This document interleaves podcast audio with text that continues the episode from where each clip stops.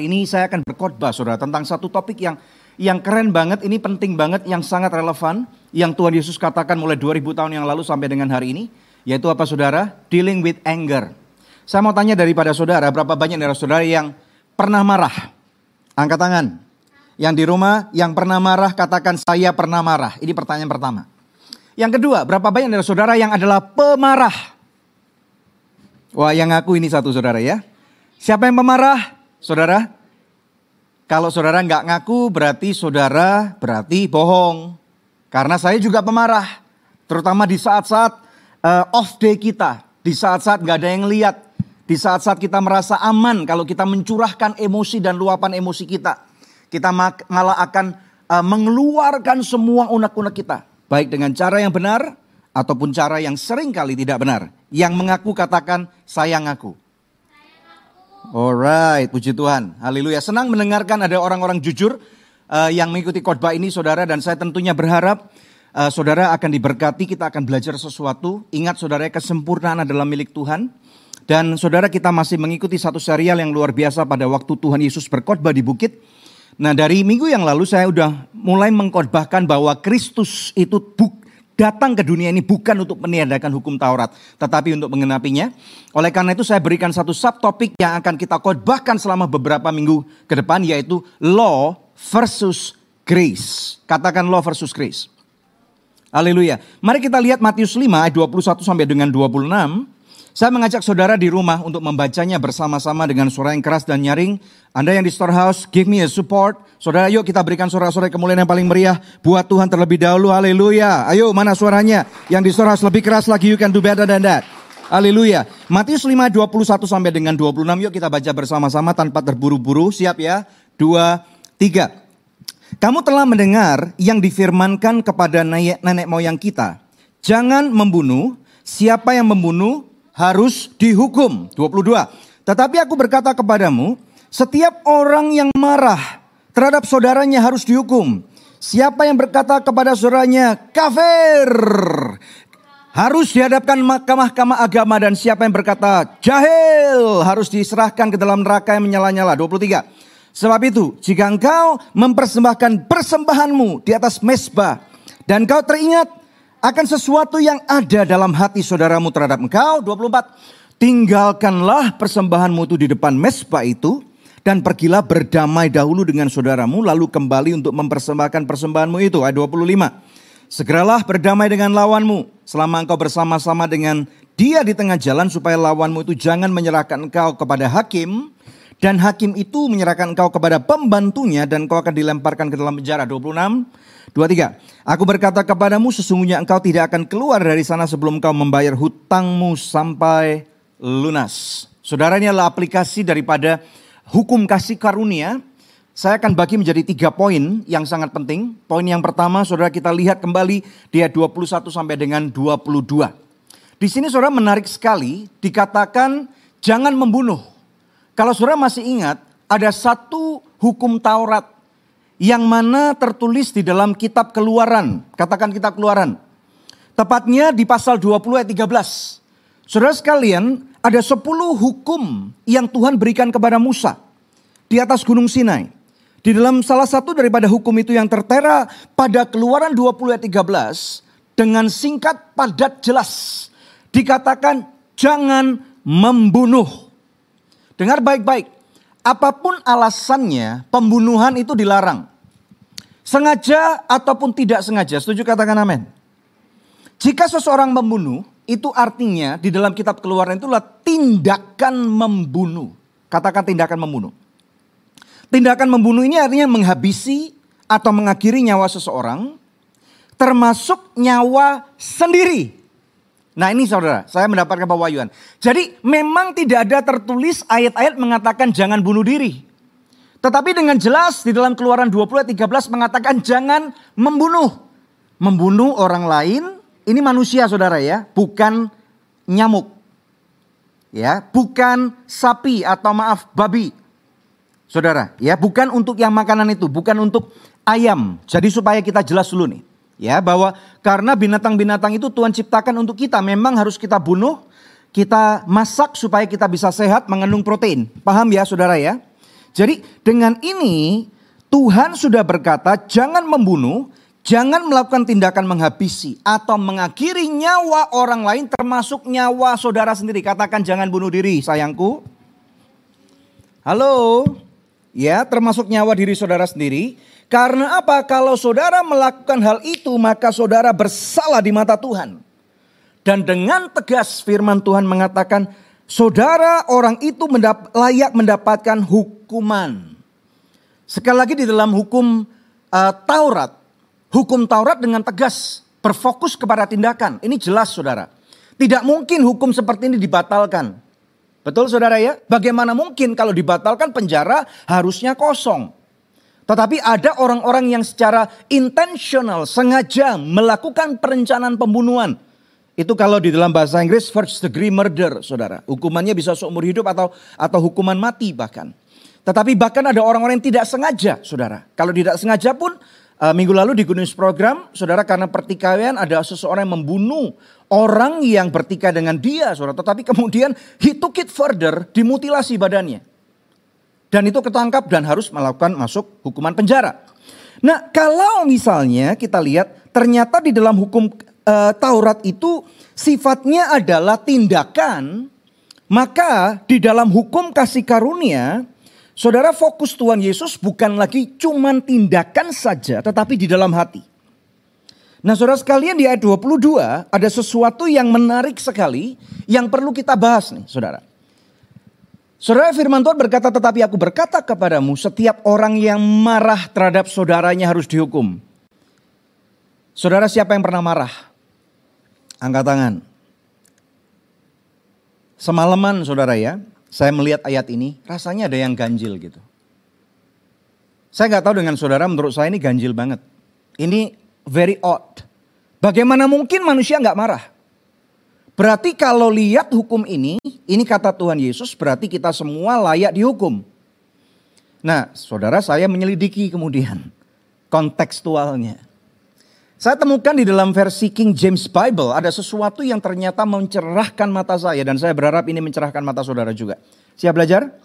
Nah di dalam Alkitab bahasa Inggris King James Bible dikatakan, But I say unto you that whosoever is angry with his brother without a cause. Wah saya kaget banget. Beda banget terjemahan bahasa Inggris King James Bible dengan LAI. Maaf LAI, bahwa ternyata kamu ketinggalan satu kata. Without a cause. Saudara, ternyata ini membuka pencerahan banget Berarti firman Tuhan tahu bahwa ternyata nggak mungkin kita nggak marah. Tetapi yang Tuhan Yesus maksudkan bukan cuma marah begitu saja. Tetapi marah tanpa sebab. Terhadap kakakmu, laki-laki perempuan, orang tuamu, your parents. Either your dad, your mom, your children, your son, your daughter, your neighbor, your boss, Mungkin kepada bawaan saudara, mungkin kepada maaf pembantu-pembantu saudara, saudara limpahkan semua amarah murkamu tanpa sebab. Yang bukan kesalahan mereka. Saudara paham? Ngerti bedanya? Ini mencerahkan nggak? Halo? Jangan diam dong. Mencerahkan? Amin saudara. Kalau ini saudara, ini membuka mata saya kaget banget. Ampun Tuhan.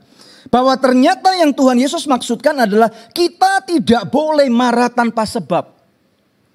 Karena kalau kita marah tanpa sebab, kemarahan kita sering kali akan jelek. Tahukah saudara pada waktu kita marah melalui podcast Love Revolution saya dan Bu Debi kami ajarkan bahwa sewaktu kita marah, intelijensia kita turun 20%. Saya nggak akan masuk lebih dalam. Kalau saudara mau tahu, saudara cek podcast Love Revolution. Kalau saudara tenang berarti intelijensiamu naik 20%. So be very careful. How you manage your anger. Karena saudara dengan ini kita tahu bahwa ternyata yang Tuhan katakan adalah kita Tuhan tidak menghendaki. Ini berbicara tentang bahkan pada waktu saudara marah tanpa sebab. Ada orang-orang yang begitu pandai untuk menyembunyikan marahnya. Karena pada waktu pernah kami survei. Ada orang yang marah itu diam. Ada orang yang marah bahkan tidur. Masih sehat sih kalau tidur saudara ya. Tetapi yang diam itu bahaya. Karena bisa-bisa diamnya tiga tahun. Suami istri nggak ngomong selama tiga tahun. Lalu mau apa? Ini nggak boleh. Saudara, firman Tuhan melarang ini terjadi pada kehidupan kita. Jadi, this is talking about the issue of heart. Tuhan Yesus lagi, lagi menaikkan satu takaran standar yang lebih tinggi. Makanya saudara pada waktu kita mempelajari antara hukum Taurat dan hukum kasih karunia. Banyak orang mengatakan hukum kasih karunia itu seenak sendiri. Itu seperti memberikan izin untuk seseorang berdosa. Tidak saudara, makanya beberapa minggu ke depan kita akan melihat bagaimana Tuhan Yesus menaikkan takaran standar. Bukan lagi hanya tindakan melakukan, tetapi termasuk yang tersembunyi di dalam hati yang tidak ada satu orang pun tahu kecuali saudara, kecuali saya pemilik daripada diri ini dan Tuhan semesta alam. Ada satu standar yang dinaikkan, ada gambarnya di sana, tolong diikutin. Ada standar yang dinaikkan. Yang Tuhan Yesus uh, berikan kepada kita. Makanya itu saudara kita nggak bisa menganggap hukum kasih karunia itu gampang. Justru menurut saya hukum kasih karunia itu keren banget saudara. Membuat kita harus berpikir dulu untuk kita melakukan tindakan. Karena pada waktu kita berpikir dan kemudian kita masukkan dalam hati kita, conceive in our heart, itu menjadi satu daging yang kemudian kita akan lakukan dalam wujud tindakan. Kalau saudara hanya berfokus kepada hukum kasih karunia, itu sepertinya udah telat dua langkah. Tetapi hukum kasih karunia itu mencegah supaya bahkan tindakan pun seharusnya nggak boleh. Bukan cuma tindakan, di dalam hati pun nggak boleh. Minggu-minggu ke depan saudara akan belajar lebih dalam. Izinkan saya untuk masuk lebih dalam karena materinya cukup banyak. Saudara saya berharap saudara pakai seat belt, buka telinga, buka mata, catat baik-baik supaya saudara bisa belajar. Siap nggak? Nah menarik sekali dia 22 ini dikatakan apa saudara? Bahkan kalau ada orang yang ngomong sama saudaranya kafir. Maka orang itu harus dihadapkan ke mahkamah agama. Jadi saudara di negeri ini kalau saudara dikatakan kafir. Gak usah takut kamu dibela oleh Tuhan. Halo, yang percaya katakan amin. Saudara mungkin tidak bisa membalas kepada mereka karena tidak perlu dibalas. Tuhan kita tidak perlu dibela karena justru Tuhan yang bela kita. Betapa beruntungnya kita kalau kita dibela oleh Tuhan. Betapa malangnya nasibnya kalau seseorang harus membela Tuhannya. Wow, katakan wow saudara. Saudara, jadi dengan ini kita sekarang tahu bahwa fokus hukum Taurat pada tindakan hukum kasih karunia kepada hati. Ini poin yang pertama. Jadi Tuhan tidak mengendaki untuk kita marah tanpa alasan. Sekarang kita lihat poin yang kedua. Bapak Ibu sekalian, di ayat 23 sampai dengan 24, saya masuk poin yang kedua. Ternyata waktu kita selidiki, fokus firman Tuhan atau fokus daripada Tuhan Yesus adalah perdamaian. Bukan tindakan bagaimana memenangkan argumentasi. Saudara tahu nggak Saudara bisa menang dalam satu argumentasi. Pada waktu saudara menang satu argumentasi, itulah titik di mana saudara kehilangan relasi. Wow, pernah lihat ada satu video TikTok atau Reels yang mengatakan akhirnya gua menang argumentasi sama istri gua, sekarang gua bisa tidur, tidur di pinggir jalan maksudnya. Pada waktu ada orang-orang yang berusaha memenangkan argumentasi.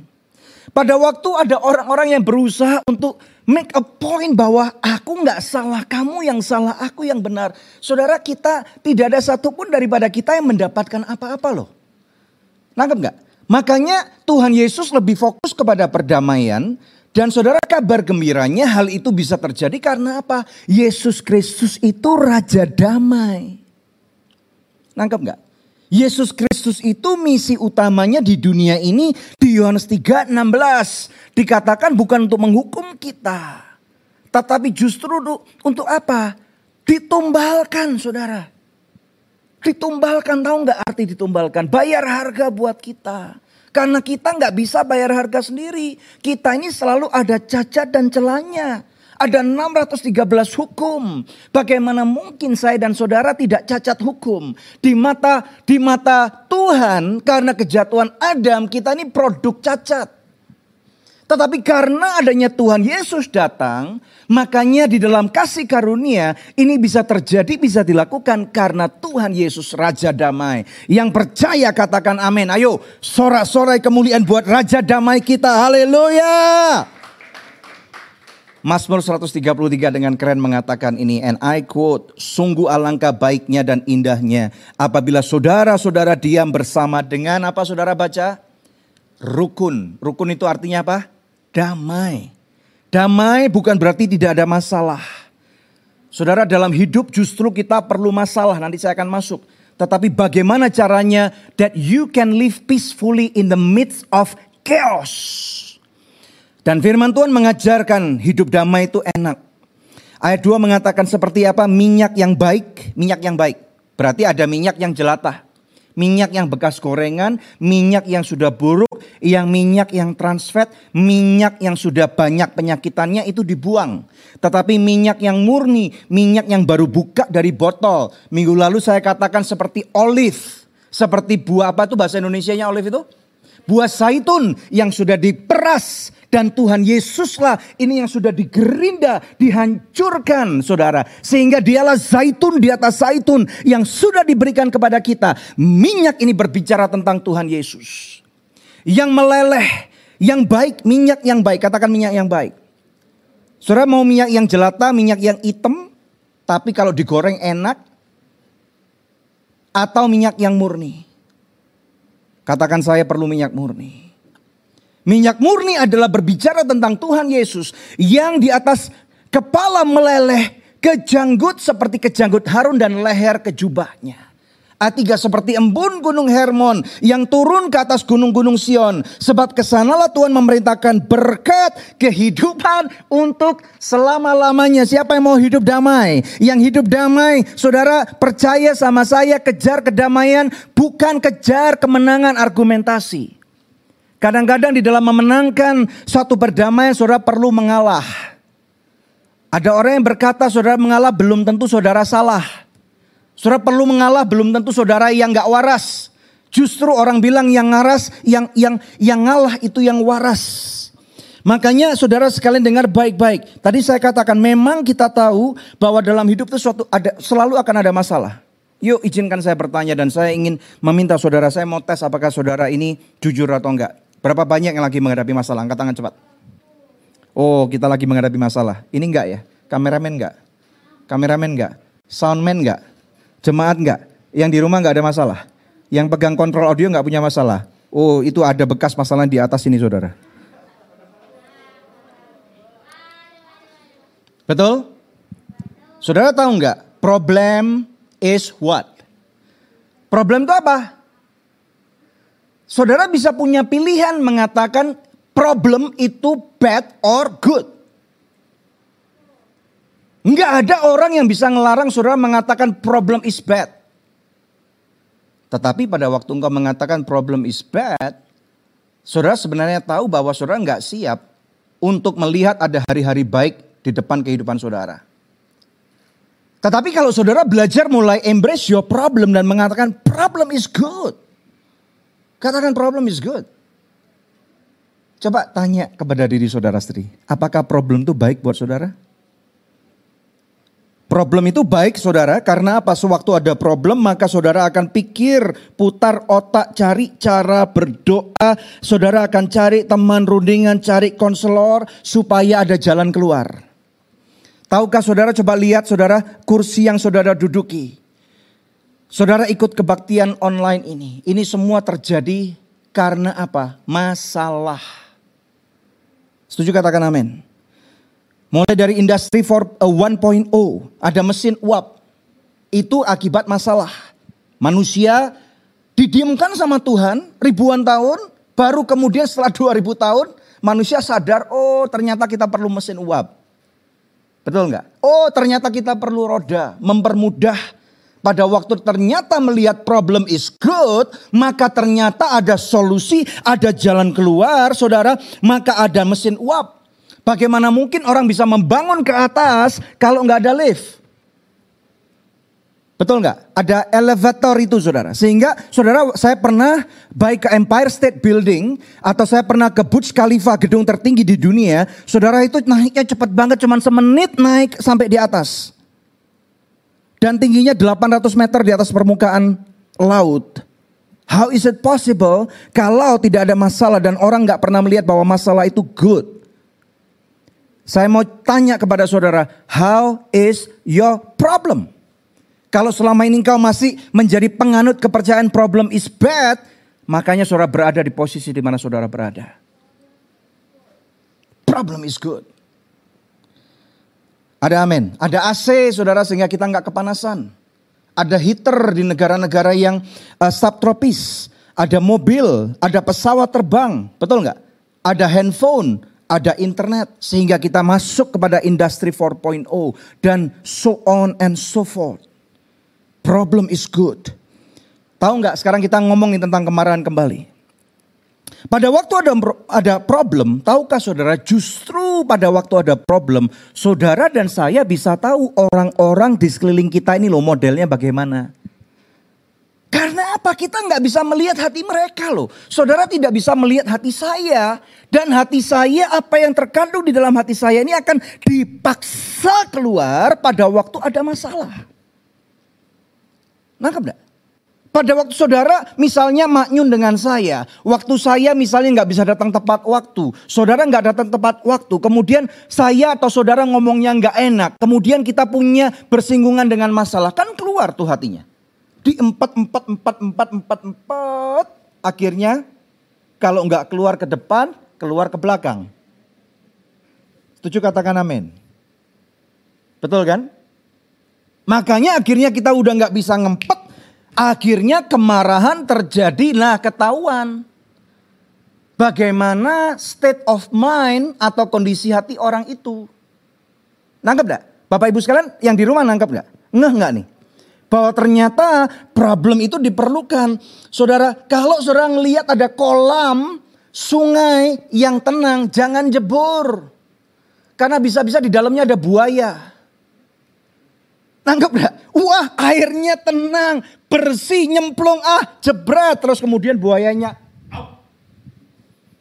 Setuju katakan amin? Nangkep gak saudara? Kalau terlalu tenang, terlalu baik, ini saudara harus tanda tanya besar dulu. Tidak judge. Lempar batu dulu. Pro. Nyiprat airnya, buayanya keluar semua. Nah saudara jangan nyemplung. Sama di dalam kehidupan pertemanan kita atau relationship suami istri, orang tua anak, kongsi dagang saudara justru perlu masalah. Karena di dalam masalah itu saudara jadi tahu orang-orang ini kualitasnya apa. Baik kualitas pemimpin yang memimpin kehidupan saudara atau kualitas orang-orang yang saudara pimpin. Nangkep gak saudara? Jadi makanya saya belajar dalam minggu-minggu ini bahwa let's understand bahwa problem is good. Justru melalui masalah kita tahu kesiapan dan kapasitas kita. Orang yang kapasitasnya kecil pada waktu ada masalah kepalanya udah mau pecah. Dan sering kali kita bilang orang itu hidupnya enak ya. Saudara belum tahu masalah apa yang mereka hadapi. Setuju katakan amin. Kalau saudara mendengarkan masalah mereka, saya duduk mendengarkan masalah mereka. Oh my God, masalahnya besar banget. Semua yang kelihatannya baik, semua yang kelihatannya dipoles.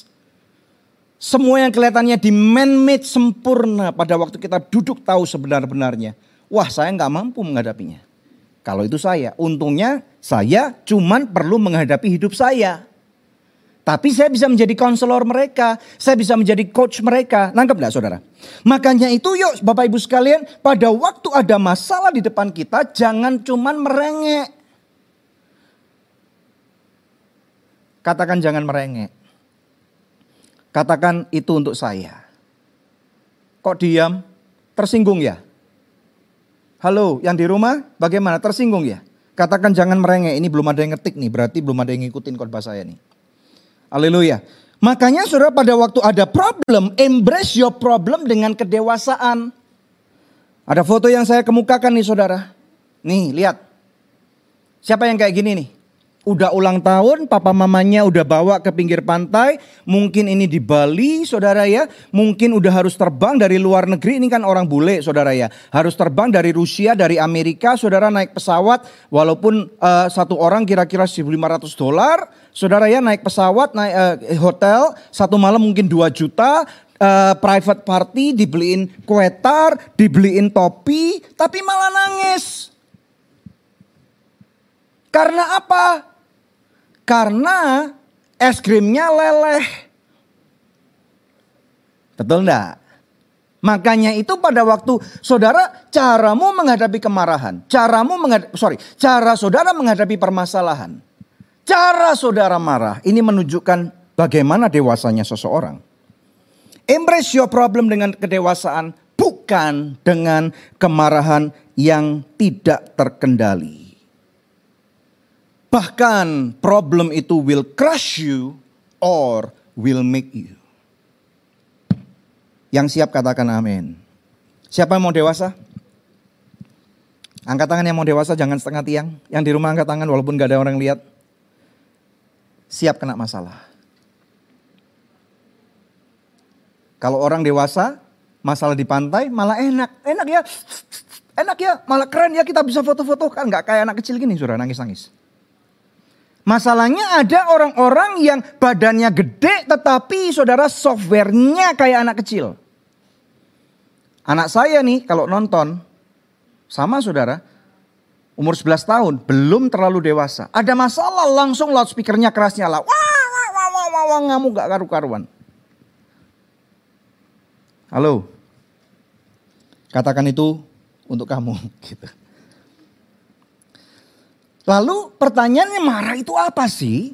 Marah itu adalah salah satu luapan emosi. Tahu nggak emosi itu singkatannya apa? Emotion. Bahasa Inggrisnya. Emotion itu adalah energy in motion. Keren ya saudara ya. Baru tahu ya, katakan saya baru tahu. Katakan saya juga dua bulan yang lalu saudara. Ternyata emosi atau emotion itu adalah energy in motion. Energy in motion ini seharusnya adalah suatu kewajaran sama seperti ada happiness atau bahagia, ada fear atau ketakutan, ada surprise atau keterkejutan, ada disgust atau kejijikan, ada sadness kesedihan. Saudara, makanya seharusnya marah itu wajar. Marah itu normal. Karena marah itu bagian daripada kejiwaan seseorang. Tetapi bagaimana cara kita marah, bagaimana kita dealing with anger, ini menentukan banget. Orang bisa marah karena hatinya terusik, enggak mendapatkan hasil setimpal, diperlakukan dengan tidak adil, kalah atau misalnya saudara tidak mendapatkan hasil yang maksudnya mau dapat untung satu miliar katanya pembagian komisi, tapi cuma dapat 100 juta, ngamuk pasti. Ya, saudara bagaimana nih saudara supaya kita nggak berlarut-larut? Makanya di ayat yang lain 1 Yohanes 4 ayat 20. Saudara jika seseorang berkata aku mengasihi Allah dan ia membenci saudaranya maka ia pendusta. Karena barang siapa tidak mengasihi saudara yang dilihatnya tidak mungkin mengasihi Allah yang gak dilihatnya. Tuhan tuh gak kelihatan. Makanya Tuhan taruh orang-orang yang jengkelin. Gak seluruhnya orang-orang yang kita tak ada di sekeliling kita itu orangnya menyenangkan. Ini yang cara kita untuk dealing with this saudara. Marah itu harus terarah. Firman Tuhan ngajarin kita jangan sampai kita marah itu tanpa sebab. Karena Tuhan tidak suka orang yang marah tanpa sebab. Kalaupun marah tanpa sebab, misalnya saya juga nggak tahu kenapa saya marah. Oke, cari teman yang bisa dipercaya, bukan sebagai keset, tetapi ngomong nih, gua ngamuk nih, tapi gua nggak tahu ngamuknya kenapa. It's okay, saudara. Kadang-kadang juga seperti itu. Saya juga bisa seperti itu. Semalam, saudara kami drive mobil dari Surabaya ke Jakarta hampir 11 jam. Mau makan di mall jam 9 kurang, nggak bisa saudara karena udah tutup. Cari drive thru macet sini, macet sana. James ngomel terus, saya ngamuk saudara. Karena apa? Lapar. Nangkep enggak maksudnya saudara? Ya, jadi dengan cara seperti itu, marah itu harus terarah.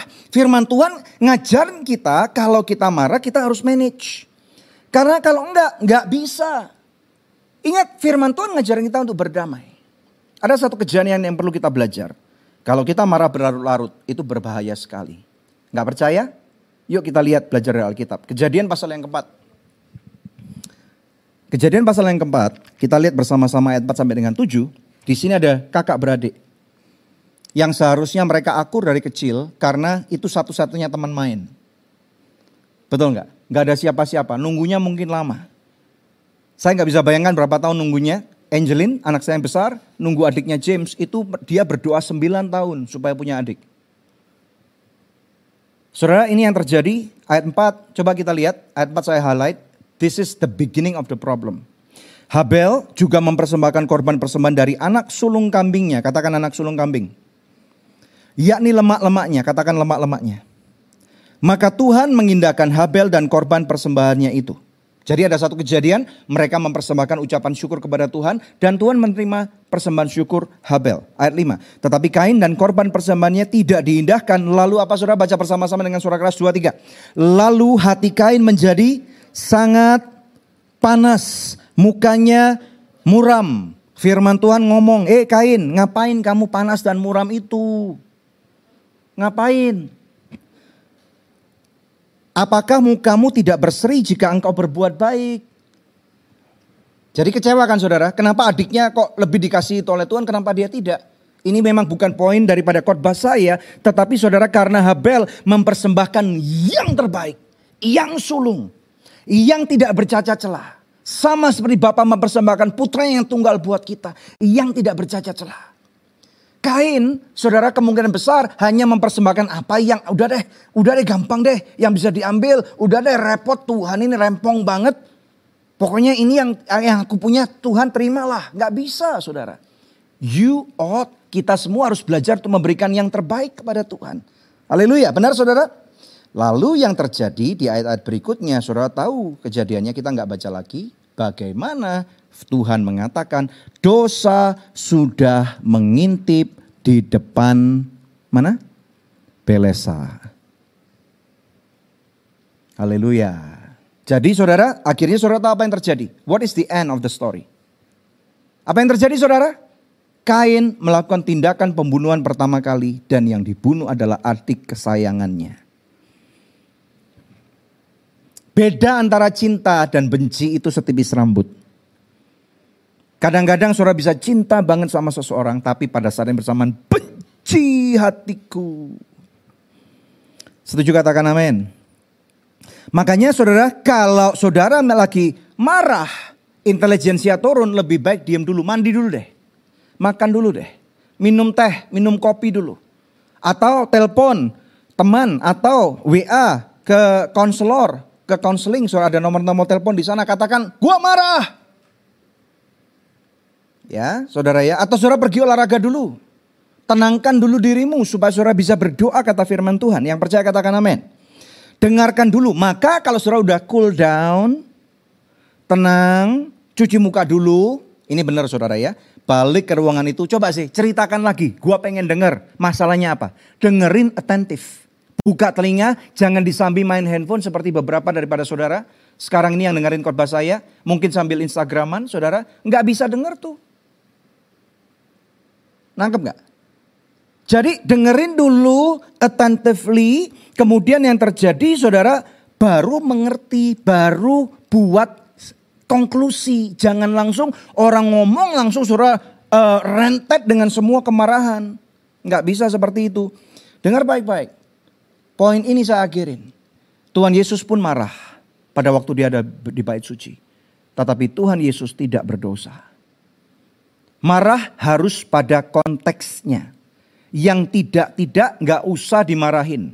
Yang nggak berhubungan nggak usah dimarahin. Kalau sudah, ya sudah.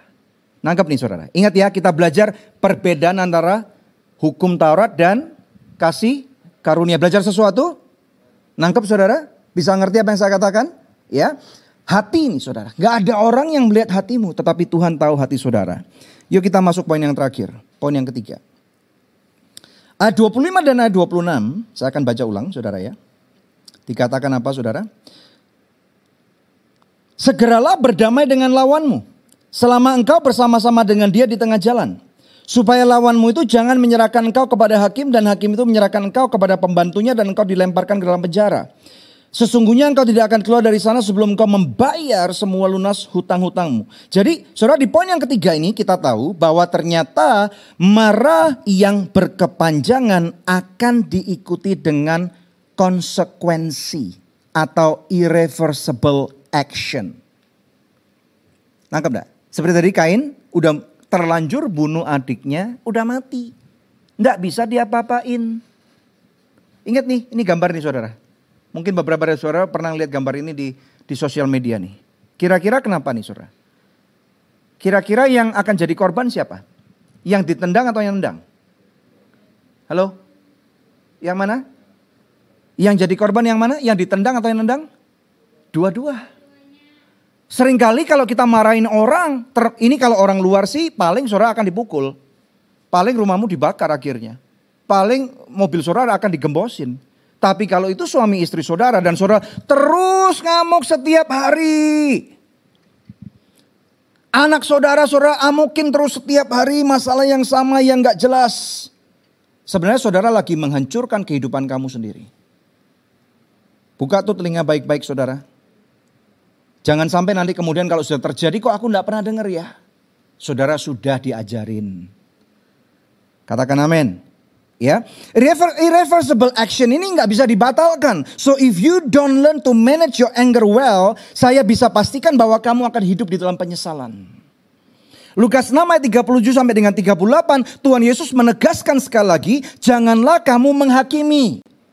Maka kamu pun tidak akan dihakimi. Jadi tadi katakan ini dua orang lagi berantem nih. Mungkin bisa kakak adik, mungkin karena harta warisan, mungkin karena tekan sekerja, mungkin ngomongnya nggak enak, mungkin merasa dilecehkan, nama baik diselewengkan atau apa pun juga saudara. Firman Tuhan ngajarin kita, janganlah kamu menghakimi. Maka kamu pun tidak akan dihakimi. Janganlah kamu menghukum, maka kamu pun tidak akan dihukum. Apa saudara berikutnya? Ampunilah dan kamu akan diampuni. Saudara kuasa pengampunan itu besar sekali. Kuasa pengampunan itu lebih besar daripada kuasa kemarahan. Yang percaya katakan amin. Tidak ada namanya orang yang mengampuni dan orang yang membuka uh, tangannya. Ini memang gak gampang loh saudara, tidak mudah. Tadi malam waktu perjalanan saya ngomong-ngomong soal ini sama Bu Devi, ya dong, bagi, saya tanya nggak gampang kan? Bagaimana kalau orang yang misalnya anaknya dibunuh, diperkosa, kan nggak gampang. Yang bisnisnya saudara misalnya sampai bangkrut padahal asetnya satu triliun. Sampai maaf tidak punya apa-apa jadi jadi pengemis terlunta-lunta nggak punya apa-apa masuk penjara. Wah itu sakit banget saudara.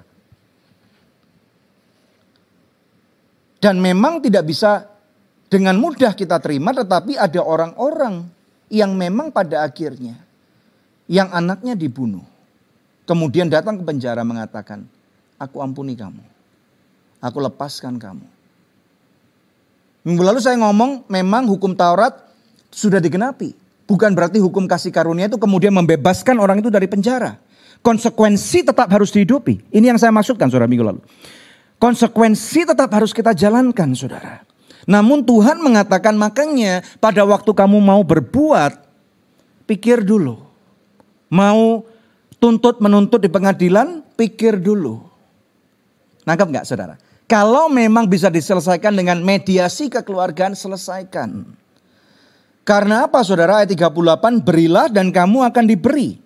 Suatu takaran yang baik, yang dipadatkan, yang digoncangkan, dan yang tumpah keluar akan dicurahkan ke dalam ribaanmu. Sebab ukuran yang kamu pakai akan untuk mengukur akan diukurkan kepadamu. Saudara ini ayat banyak dipakai orang untuk maaf nih diselewengkan untuk memberi. Padahal ini konteksnya bukan untuk memberi duit, tapi untuk menghakimi. Nangkep enggak saudara? Saya saya makanya pak saya saya mau saudara dan saya mempelajari ayat ini hari ini karena apa supaya kita nggak merasa bahwa wah gereja kita memakai ayat ini cuma untuk memberi saja. Enggak, tapi memang bisa dipakai untuk memberi. Kalau saudara memberi takaran yang baik, saudara akan dapat yang baik. Setuju katakan amin. Tetapi di ayat 38 ini kalau kamu punya masalah, jangan cuma nyudutin seseorang. Saya sering kali melihat ada orang misalnya, ada anak yang salah, terus ditindas oleh orang tuanya. Ada nggak orang tua kayak gitu? Pernah lihat? Tapi kalau orang tuanya yang salah, hukum yang ketiga berlaku. Apa tuh? Orang tua tidak pernah salah. Ada hukum yang keempat mengatakan apa? Tahu nggak apa itu? Istri nggak pernah salah. Hukum yang kelima mengatakan apa? Suami nggak pernah salah. Hukum yang keenam mengatakan apa? Anak, apalagi anak tunggal, nggak pernah salah. Halo, apakah kayak gitu saudara? Kok diem sih? Nangkap nggak nih? Jadi makanya itu saudara, kita tidak boleh hidup dengan cara seperti itu. Yuk kita kita kita belajar lebih dalam. Mari kita lihat nih. Saya mau tanya nih. Bagaimana sekarang kalau misalnya cara saudara marah? Tahu nggak? Caramu marah itu tergantung bagaimana saudara dibesarkan. Ada dua foto nih yang saya pasang. Suami istri mungkin nggak nonjok pakai tangan tapi pakai mulut. Demikian pula istri nonjok suaminya, bukan cuman bukan cuman suami yang nonjok istri loh. Istri kalau ngomong tentang suami itu pedesnya minta ampun, Saudara. Ya, tentang suaminya dihina, dilecehkan, direndahkan, sedemikian rupa itu sama aja. 11 12. Bagaimana kalau misalnya seorang anak melihat bagaimana papa, papa dan mamanya pukul-pukulan, lempar-lemparan botol, piring, gelas pecah semua. Dan bahkan saling abuse Entah itu verbal atau physical. Dan kemudian mungkin matanya babak belur. Tadi sih saya mau nyari gambar wanita yang babak belur. James lihat, Daddy kasihin gambar anak dong. Anak juga digituin sama orang tua loh. Oke James, saya cari James gitu saudara ya. Ada anak-anak yang diabuse sama orang tuanya. Saudara, saya nggak bisa bayangkan kalau ada anak-anak yang dibesarkan dengan orang tua yang abusive, yang dipukulin hari demi hari karena papa atau mamanya tidak punya sarana untuk melepaskan kemarahan kepada bos, kepada pemimpin, kepada orang-orang yang lebih berkuasa daripada dia dan melampiaskan kemarahannya kepada orang rumah, kepada istri, kepada suami atau kepada anak-anaknya. Saya nggak bisa habis pikir, saudara. Hari demi hari harus melihat seperti itu. Firman Tuhan ngomong, beberapa perilaku disebut saja jangan. Anak adalah mata yang pertama dan telinga yang pertama melihat tingkah laku saudara dan saya. Gimana nih saudara?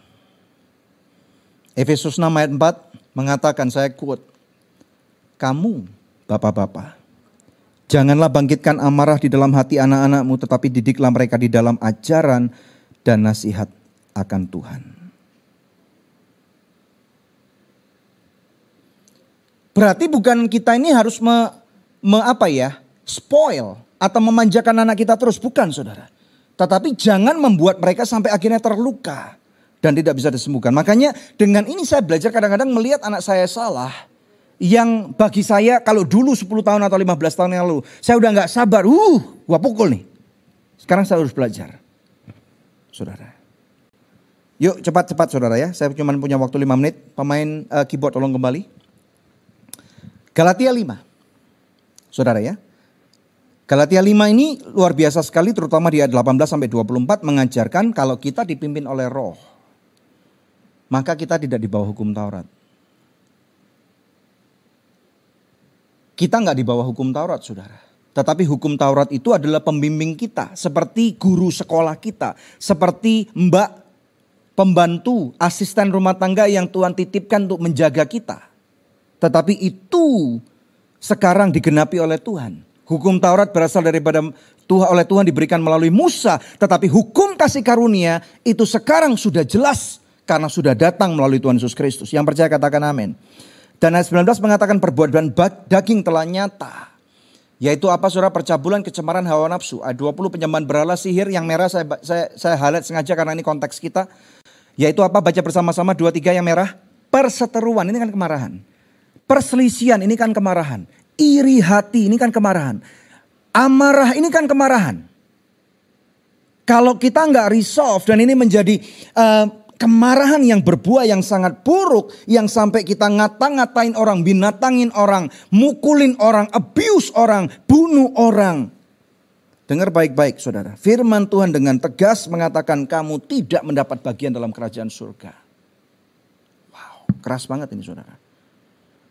Kita lompat karena waktu. Ayat 22 berbicara tentang buah roh. Saya nggak akan baca. Ayat 24 ini. 22 tentang buah roh, tapi 24 baca saudara. Barang siapa menjadi apa saudara? Milik Kristus. Siapa milik Kristus? Angkat tangan. Siapa milik Kristus? Coba jangan diturunkan tangannya. Coba lihat kiri kanan saudara. Yang di rumah kalau saudara di rumah ngaca. Siapa milik Kristus? Kita milik Kristus. Kalau saudara milik Kristus, firman Tuhan ngajarin kita salibkan daging kamu. Kamu mau marah, tidak terkendali, tahan diri kamu untuk kamu gak marah seenak sendiri. Kamu salibkan kemarahan kamu, salibkan hawa nafsu kamu dan keinginannya. Yang percaya katakan amin. Yuk kita bangkit berdiri, kita tutup saudara. Tidak mudah dealing dengan anger. Karena ini udah tertanam puluhan tahun. Kadang-kadang orang tua kita, kita nggak bisa nyalakan orang tua kita saja. Karena mereka juga menjadi korban daripada orang tua dan orang tuanya lagi. Betul saudara. Tetapi hari ini ada kabar bahagia. Saudara buka tangan saudara, angkat tanganmu di mana engkau berada. Saya tidak tahu kondisi saudara hari ini. Saya berharap saudara bisa menerima firman Tuhan ini dengan baik. Saudara boleh angkat tangan di mana saudara berada. Saya mau berikan waktu satu menit buat saudara.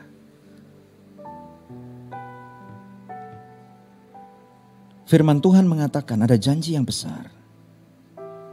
Jadi siapa yang ada di dalam Kristus, ia adalah ciptaan baru. Yang lama sudah berlalu. Sesungguhnya yang baru sudah datang. Kamu jelas produk orang tuamu. Saya produk orang tua saya. Dan sering kali orang tua kita tidak mengajarkan selalu hal yang baik. Enggak selalu hal yang benar. Tetapi ada kesempatan yang Tuhan berikan buat kita. Bahwa Tuhan memberikan kasih karunia. Masa lalumu enggak lagi berarti. Masa lalu saya enggak lagi diperhitungkan oleh Tuhan. Kamu dan aku melalui kasih karunia Tuhan itu seperti sebuah kain putih yang sering kali kita comberin dengan perbuatan-perbuatan kita. Tetapi hari ini kita tahu bahwa pada waktu kain comberan itu yang penuh dengan peluh dengan darah, merah seperti kirmisi itu. Kita datang kembali kepada kasih karunia itu dan kasih karunia itu bleach. Menyempurnakan, memutihkan kembali. Memegang kita dan mengingatkan kita, kamu ciptaan yang baru. Kamu pasti bisa. Bahkan bayangkan saudara Tuhan berkata, I believe in you. I believe in you. Aku percaya kamu pasti bisa. Itu kasih karunia. Itu kasih karunia. Tuhan ini kami. Ini kami Tuhan. Terima kasih untuk kasih karuniamu. Kami masih jauh dari kesempurnaan. Bahkan aku sebagai pengkhotbah sering kali gagal. Ampuni kami Tuhan. Ampuni kami. Dan biarlah Kristus yang dipermuliakan. Engkau yang sempurna. Engkau yang awal dan yang akhir. Engkau tidak pernah meninggalkan kami. Bahkan di dalam kebodohan kami. Engkau tetap sayang kami. Di dalam keteledoran kami Tuhan, Engkau tetap mengasihi kami. Yuk saudara. Come on, come on. Buka hatimu. Izinkan Tuhan mengoperasi saudara. Izinkan roh kudus membentuk cara pikir saudara dengan cara pikiran yang baru. Cara pikiran surga. Yes Lord, we need you. We need you Lord. Supaya kami nggak cuman memperhatikan tampak luar kami, tetapi hati kami. Kami nggak mau cuma dikira orang baik. Kami nggak mau dikira orang yang pelayanan. Kami dikira orang yang sudah mempunyai jabatan pendeta, rasul, nabi, guru sekolah minggu, Tuhan petugas multimedia, worship leader, pendoa syafaat Tuhan, gelar ini semua di matamu adalah nol, tidak berarti Tuhan. Karena engkau ngelihat hati kami. Yuk saudara, mungkin saudara orang paling kaya di muka bumi ini. Mungkin saudara adalah orang yang paling pintar, lebih pintar daripada Albert Einstein. Tapi kita perlu kasih karunia ini. Kami perlu Engkau Tuhan. Terima kasih. Biarlah minggu-minggu depan kami akan terus belajar. Bagaimana kami boleh diubahkan mindset kami. Diubahkan cara berpikir kami. Di dalam nama Tuhan Yesus Kristus. Yang percaya katakan. Amin. Berikan kemuliaan yang paling meriah buat Tuhan. Silakan juga. Terima kasih karena kamu sudah join dan mendengarkan khotbah dari Pastor Daniel Hendrata di podcast Anugerah Church. Kalau kamu diberkati dengan podcast ini, yuk share ke teman-teman lainnya agar lebih banyak lagi jiwa yang diberkati. Anugerah Church at Storehouse.